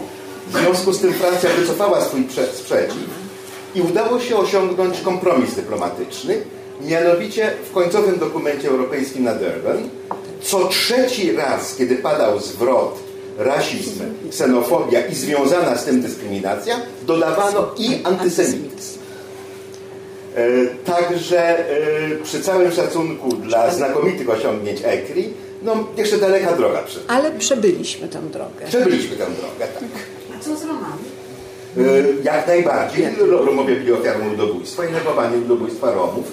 Na tej zasadzie paragrafu o negowaniu ludobójstwa powinno być traktowane tak samo jak negowanie ludobójstwa Żydów, negowanie ludobójstwa Ormian, czy negowanie ludobójstwa Srebrenicy. To jest bezdyskusyjne. Natomiast ja bym powiedziała, że to, co jest e, o czym powinniśmy rozmawiać w tej chwili, czy kodeks karny, czy przepisy karne do tego się nadają, czy się nie nadają. No, ja jestem trochę zdumiona, bo ja uważam, że właśnie instrumentarium prawno-karne jest absolutnie konieczne, niezbędne i e, to są przestępstwa.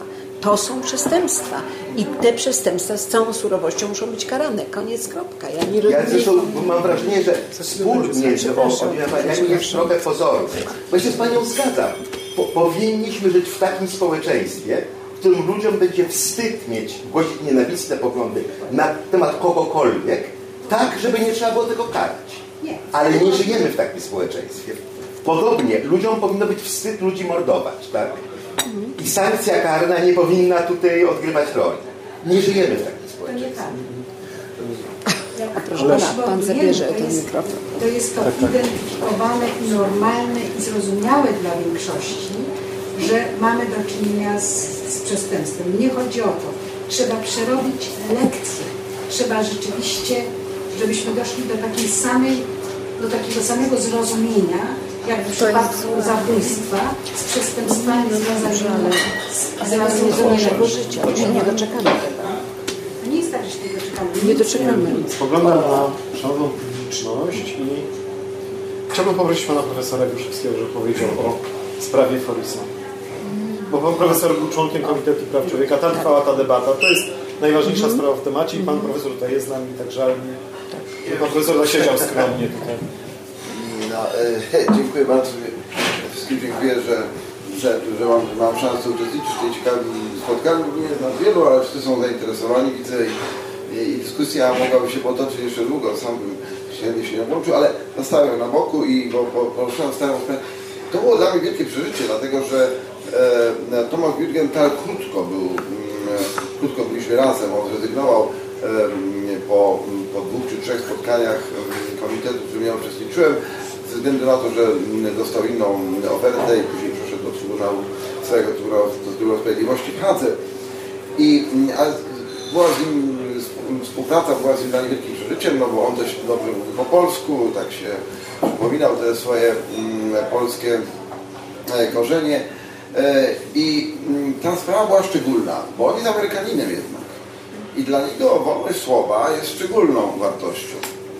E, więc e, gdyby to dotyczyło jakiejś innej sytuacji, to z pewnością jego głos on bo w ogóle on był, był pierwszym Amerykani, amerykańskim członkiem komitetu. Myśmy nie mieli wcześniej e, e, członków właśnie Amerykanów, później, później już, już byli. ale także dla niego to był pewien problem. Ale sprawa, której dotyczyła skarga, była tego rodzaju, że on uważał, że nie jest w stanie obiektywnie ocenić sytuacji, której dotyczyła. A sprawa nie była łatwa pozorom, bo tu nie chodziło nawet o samego tego Forisona, tylko chodziło o podstawę prawną, na jakiej podstawie został Forison ukarany. Mianowicie chodziło o ustawę Gassiot, no właśnie, ustawę, którą przyjęto we Francji, która była dość restrykcyjna i mm, właściwie karała szereg dość restrykcyjnie możliwości ograniczenia wolności słowa. I komitet zresztą później jak rozpatrywał sprawozdanie francuskie to skrytykował tą, tą ustawę i restrykcyjność. I bano się, że dlatego dyskusja była długa, bo sprawa prosta, właśnie trzeba było uznać, że Francuzi powinni byli ukarać tego autora, ale chodziło o to, że taka decyzja mogłaby dać zielone światło dla właśnie tego, że poszerzyłaby się ta, ta, ta, ta restrykcyjność, mogłaby objąć również takie wypowiedzi, które niekoniecznie powinny być e, karane. Stąd była, była e, długa debata, zresztą on, on Forisson dość zręcznie się bronił, trzeba powiedzieć szczerze, w tej sprawie to wszystko razem utrudniało, nie była taka oczywista, oczywista sprawa, stąd też no, mieliśmy tą debatę z tym, że ja mówię, no, Tomasz Wielkiatan się z niej wycofał i właściwie w ogóle nie uczestniczył, uznając, że, że jego osobiste przeżycie jest zbyt bolesne, zbyt tragiczne, aby mogło, mógł obiektywnie no, uczestniczyć w decyzji, która miała mieć charakter prawny. Myśmy mieli prawnie ocenić, ale udało nam się znaleźć taką formułę, która pozwalała na uznanie, że Francuzi mogli go ukarać, nie chwaląc zarazem podstawy prawnej. To jest dość nudne e, w kontekście tego, o czym tutaj e, dzisiaj Ja dziękuję, że e, Monika przytoczyła mm, wypowiedź mojego kolegi szkolnego dzisiejszego, nawet, wysłałem ją w Facebooku, pochwaliłem, bo on nie jest skłonny do takich, do takich wystąpień. Właśnie to, to sobie wpadłem na, na, na pomysł, jak jak e, pan prezes Jankę wspomniał, że nie ma jego w kościele, ale rzeczywiście, ale rzeczywiście... Nie być pan prezes. No, nie będzie prezes, ale nie, rzeczywiście ta dostępność tego i to, że on, że on to wykrzeszą, e, no rodzinie Szturów po filmie po głosie trochę się też zmieniła, e, na własnej skórze odczuli ten właśnie, to właśnie zjawisko, prawda? A myśmy się wychowywali w Bielsku Białej, E, z Jurkiem, kończyliśmy razem szkołę e, w Bielsku, które z kolei bardzo boleśnie przeżyło 68 rok. Dlatego, że w Bielsku była bardzo duża, silna społeczność żydowska, wielu kolegów szkolnych, przyjaciół i tak dalej.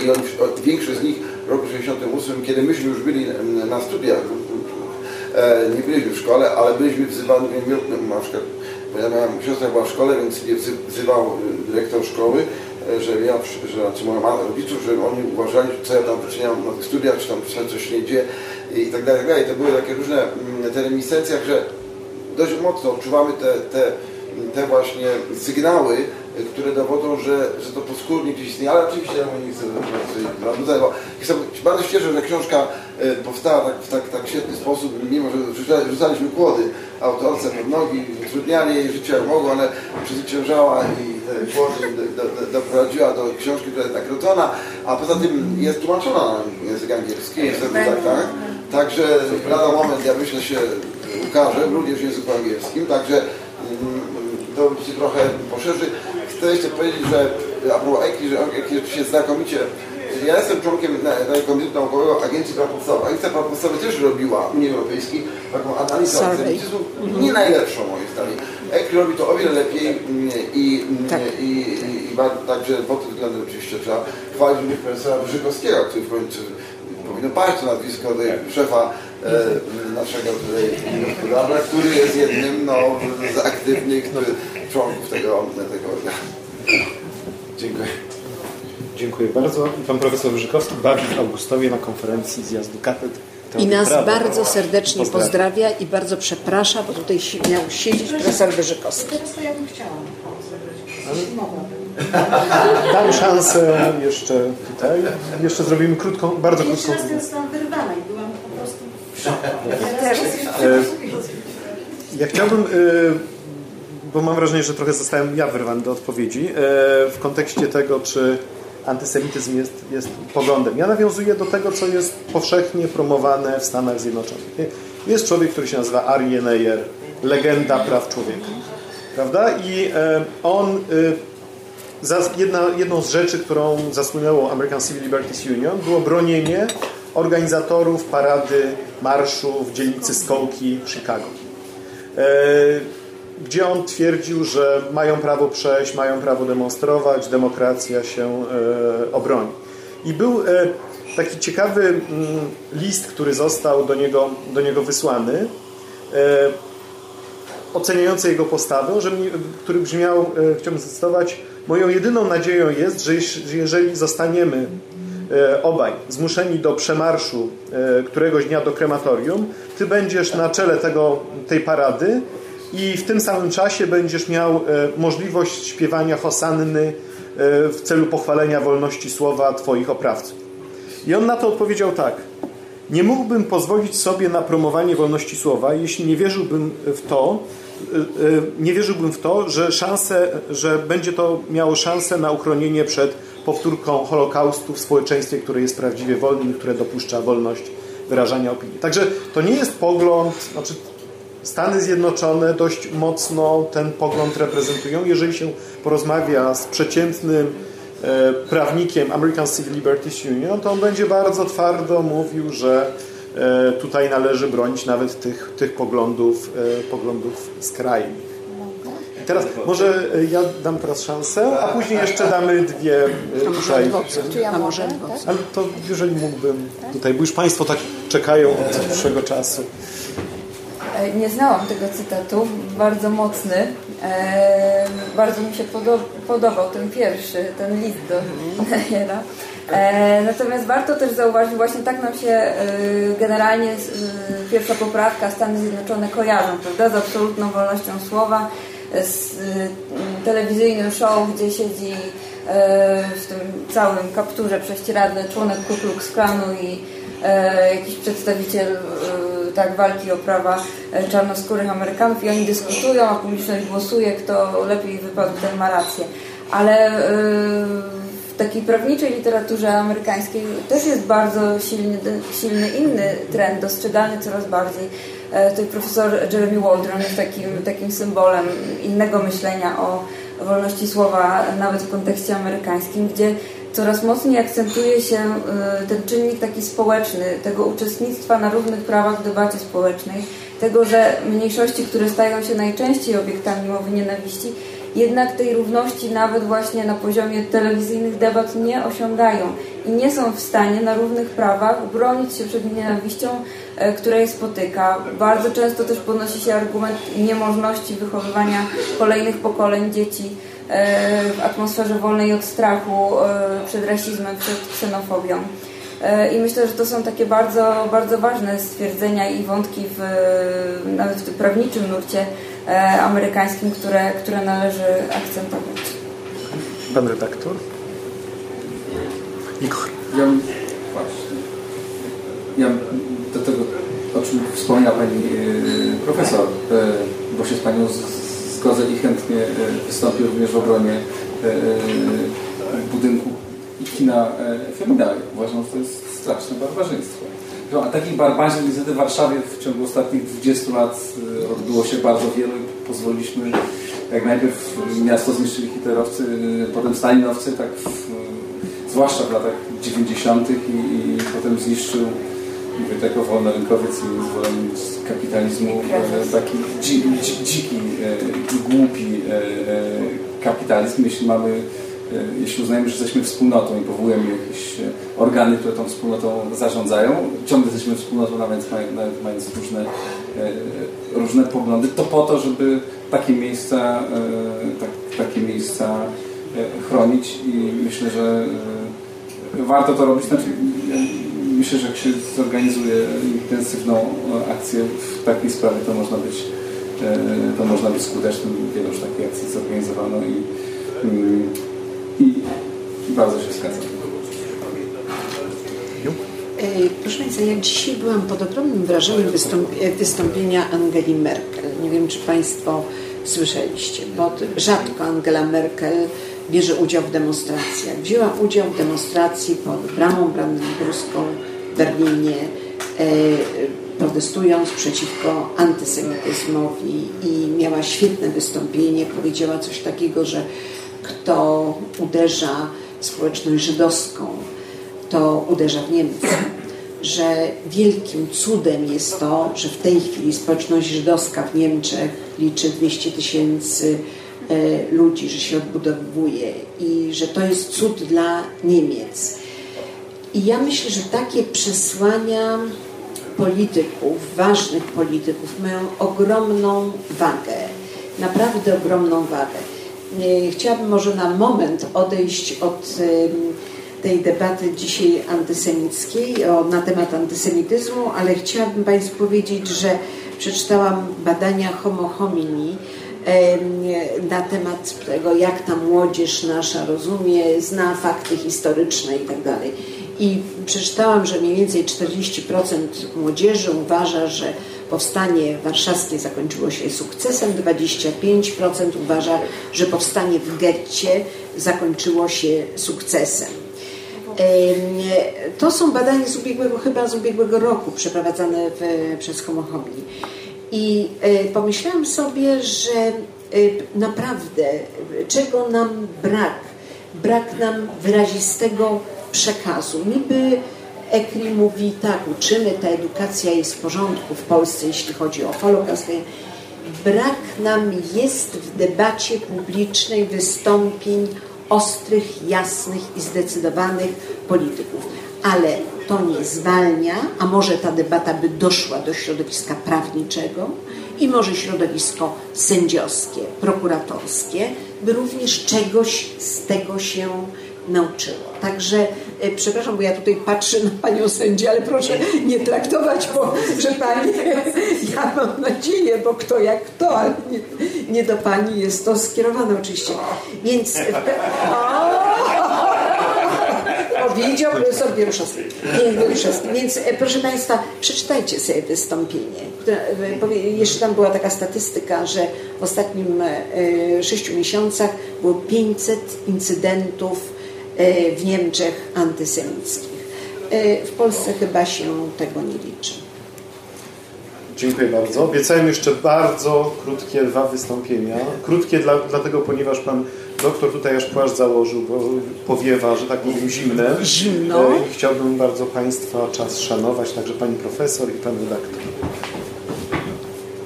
Ja jeszcze raz chcę powiedzieć, że prawo karne nie jest tutaj na tym etapie metodą, bo ja oczywiście się zgodzę całkowicie z Panem że, że, tak, to jest przestępstwo. No i co z tego, że my sobie powiemy, że to jest przestępstwo, skoro nie ma poczucia tego ani policjant, ani prokurator, ani ten, który jest skazywany, ani sędzia, który nie będzie skazywał. Wyroki, które zapadają w tych sprawach, gdzie są umorzenia, przynoszą więcej szkody niż pożytku. Natomiast wydaje mi się, że metoda poprzez kulturę, metoda poprzez co wypada, co nie wypada i myślę, że gdybyśmy w polskim społeczeństwie osiągnęli pewien poziom, że nie wypada być jawnym antysemitą, nie wypada mówić żartów żydowskich, nie wypada. Naprawdę, tak jak wypada być homofobem, to nie wypada już być antysemitą. Natomiast, ja nie wiem, myślę, że mamy strasznie dużo do przerobienia wszyscy i dam dwa przykłady. Ja się zachwycałam filmem Help, czyli pomoc, czyli ten, dopóki mi nie uświadomiono, że to jest potwornie rasistowski film. Mnie się strasznie podoba film Ida, ale trzeba mi było dopiero Agnieszki Graf, która pokazała, zobacz, ale w końcu, jeżeli jest to Żydówka, która przeżyła, to ona jest dziwka, komunistka i coś tam jeszcze, i puszczarska, prawda? E, I prawdę mówiąc, jak posłuchałam, co mówią moi znajomi, którzy obejrzeli ten film, głównie byli zajęci wyszukiwaniem. Aż pokaż Pani też, na uczelni to ten i ten, który został, oni byli najgorsi, wyszukiwaniem złych Żydów po II wojnie światowej. E, nigdy by mi nie przyszło do głowy, że tak można na to patrzeć, natomiast wydaje mi się, że po pierwsze mamy sami strasznie dużo pokładów nieuświadomionych, a po drugie, że naprawdę pewnie przez właśnie debaty na gruncie kulturowym, na gruncie pokazywania codzienności, historii, na gruncie bardzo prostym, proszę Państwa. Jestem przekonana, że gdybyśmy sobie teraz tutaj zrobili test z katechety, i test ze znajomości Pisma Świętego Starego i Nowego Testamentu, to byśmy padli. Natomiast w momencie, kiedy się zaczyna to przerabiać, rozszerzają się horyzonty, zmniejsza się, zmniejsza się poziom wrogości, bo oczywiście to Rzymianie, proszę Pani, a nie Żydzi zabili Jezusa Chrystusa. Już tak na marginesie. Dziękuję bardzo. Pan Dwie bardzo proste uwagi. Jedno, E, no, nawet w doktrynie amerykańskiej nie ma absolutnej wolności słowa. Jest to słynna maksyma Wendela Jonesa, że wolność słowa nie obejmuje krzyczenia, pali się w zatłoczonym teatrze. Amerykanów stać na ten luksus, bo to ludobójstwo podało się tutaj. E, I ja się strasznie cieszę, że, że oni mogą. A nam nie dowierzą. Kwestii Żydów, kwestii Romów, kwestii Ormian, kwestii muzułmanów, jak psu nie dowierzę. No i bardzo bym chciał, żeby tutaj prawo nas strzegło. E, a co do tego, na ile ten antysemityzm jest, to oczywiście rację, że e, podpisanych wystąpień antysemickich jest dużo mniej niż było na, na portalach, w prasie, co jest bardzo dobrze. Popatrz sobie na dyskusję na internecie, e, na, na to, ile jest zniesionych palców, ile opuszczonych, przy zdaniach w rodzaju, a następnym razem, jak będą ich smażyć, to będę to oglądał w telewizorze i popijał piwko. Bez pudła więcej osób się zgadza niż nie zgadza. Nie w kwestii kontrowersyjnych. Ten paskudny warszawski to Żyd i dlatego jest taka świnia. Tu można dyskutować. Natomiast w kwestii palenia ludzi, ja zakładam, że nie bardzo jest o czym dyskutować. Większe, więcej ludzi się z tym poglądem zgodzi niż nie zgodzi. Ja to sprawdzałem, znaczy ja tego nie mówię z powietrza. Ja to wręcz statystycznie zbadałem. No. Także ten, ta gotowość do antysemityzmu jest, istnieje, tak, pewien wstyd, pewna niepewność, to już nie jest oczywiste, tak jak rzeczywiście można być homofobem, e, można być mizoginem, antysemitą, troszkę nie wypada, ja bym chciał, żeby dużo bardziej nie wypadało. Dziękuję bardzo. Proszę Państwa, na... Jedno zdanie tylko chciałem powiedzieć. ale tylko jedno. Ja nie w ogóle nie zabierać głosu, ale zostałem wywołany tam. Tam jest nasze diamentami. Maciej Szulc, sędzia w sprawach karnych. Y, Chciałem Panią uspokoić i powiedzieć, że takie orzeczenia zapadają. Znam takie orzeczenia i myślę, że gdyby dokładnie zajrzeć do internetu, to można by takie orzeczenia tam znaleźć. Niekoniecznie na stronach oficjalnych i niekoniecznie na stronach chwalących te orzeczenia. Nie wątpię, bo w szkole sędziów i wiem, że tacy też są. Więc takie orzeczenia zapadają, ja nie mówię w tej chwili, ja nie mówię w tej chwili o sobie. Natomiast generalnie zgadzam się również z panią profesor i chciałem powiedzieć, że e, moje doświadczenie wieloletnie, ponad 25 lat orzekam w sprawach karnych, uważam, że prawo karne w wielu sprawach, w tym również w kwestii szerzenia nie- nienawiści, jest za bardzo nadużywane. Bardzo często wydaje mi się, że bardziej stosowna byłaby stosowanie e, prawa cywilnego i myślę, że w wielu przypadkach ono byłoby skuteczniejsze. Dziękuję bardzo. Dziękuję bardzo Panie Sędzio. I proszę Państwa, na koniec chciałbym, żeby Państwo zastanowili się nad jednym zdaniem, każdy z Państwa, podsumowania, które Państwo by chcieli, żeby uczestnicy naszej dyskusji wynieśli ze sobą do domu. Tylko jedno zdanie. Ja chcę jeszcze jedną myśl. Jeszcze No dobrze, to, to jedna myśl plus jedno zdanie. No to naprawdę ta, ta, jedna myśl być powiedziana na początku, bo ona może wywołać dużo kontrowersji i chciałbym być dobrze zrozumiany, więc, ale powiem, bo sobie przypomniałem, że, że, że, że tego nie powiedziałem. Że wydaje mi się, czego jeszcze nam trzeba, bo ja powtórzę, to jedno zdanie jest takie, że powinniśmy więcej rozmawiać, edukować, uczyć się w sposób bardzo otwarty. To znaczy również nie narzucać tak łatwo, e, e, nie, nie nazywać, e, nie, nie łatwo nazwać przechowywać tym określeniem białe, czarne, na pewno złe, dobre. Oczywiście, że jesteśmy w kraju po Holokauście i to jest tak, zbrodnia, zgadzam się z Tobą.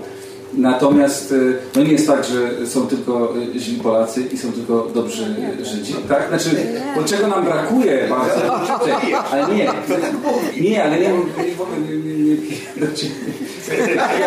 Czy dobry? piję, e, do, e, piję do tego, że powiedzmy, bardzo potrzebujemy takiej bardzo otwartej rozmowy, która jest bardzo trudna i delikatna, bo bardzo łatwo o, o przekroczenie granicy tak, w, niej. Ale o naszej przyszłości, o, historii, wspólnych losach polsko-żydowskich. O tym, raz uczestniczyłem w takim spotkaniu, kiedy historyk opowiadał o losach takiej społeczności polsko-ukraińsko-żydowskiej i opowiadał, dlaczego jedni przed drugimi uciekali, jedni drugich gonili, kto komu... Tam na końcu wszyscy, wszy- wszyscy wszystkim uczynili krzywdę w, w, w różnych momentach.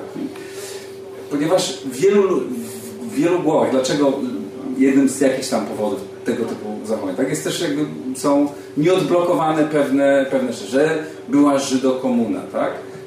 Nie powinniśmy tego tak nazywać, ale można, ale też można, ale też należy o tym otwarcie rozmawiać, tak? Znaczy, co powodowało, że niektóre osoby trafiały do aparatu, e, e, do aparatu e, bezpieczeństwa w latach 50., tak? Znaczy, jakie mechanizmy, jakie zjawiska spowodowały, że takie, a nie inne osoby tam były. Znaczy, to też jest kawałek polskiej historii i, i też o tym należy normalnie rozmawiać. Tej roz, ona jest bardzo, ta rozmowa jest bardzo trudna, bo musi być niezwykle delikatna i trzeba bardzo uważać, ale wydaje mi się, że na pewnym etapie taka rozmowa też jest, y, też jest potrzebna. To ja bym w ramach podsumowania chciała przeczytać e, cytat, który mnie bardzo, bardzo wzruszył i dlatego się tutaj znalazł z pana premiera Tadeusza Mazowieckiego, e, który w 1960 roku napisał tak. Walka z antysemityzmem nie jest żadną zasługą, ani żadnym humanitarnym gestem litości. Nie jest ona też tylko walką o godność Żydów, ale w równej mierze walką o naszą własną godność. Jest walką o godność wszystkich. Uogólnienie właściwe samej istocie antysemityzmu prowadzi bowiem poza pewien próg pojęć moralnych, którego człowiekowi przekroczyć nie wolno, jeśli nie ma się wszystko zawalić.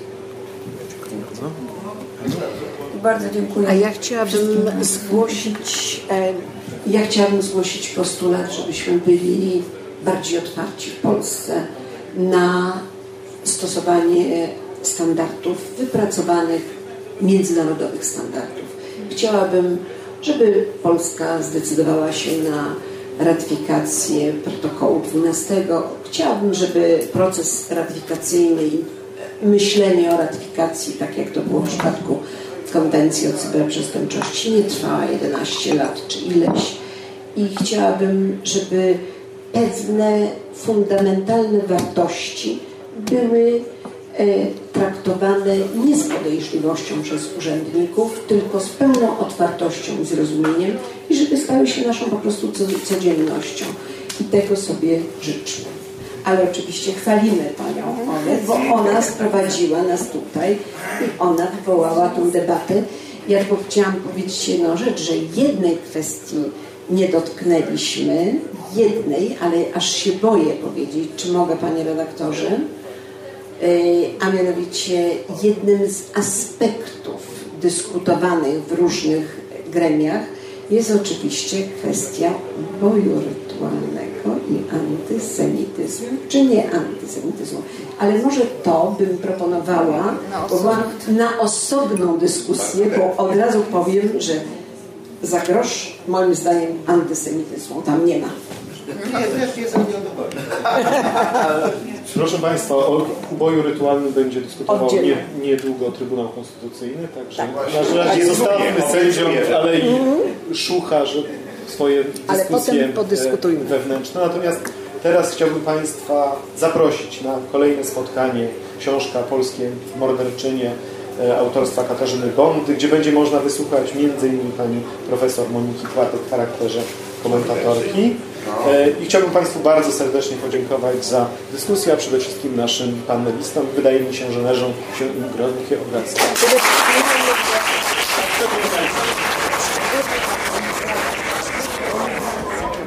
Fundacja Instytut Reportażu zaprasza do swojej księgarni z literaturą faktu i kawą Wrzenie Świata na ulicy Gałczyńskiego 7 w Warszawie. Wejście przez bramy Nowy Świat 48 i Nowy Świat 52.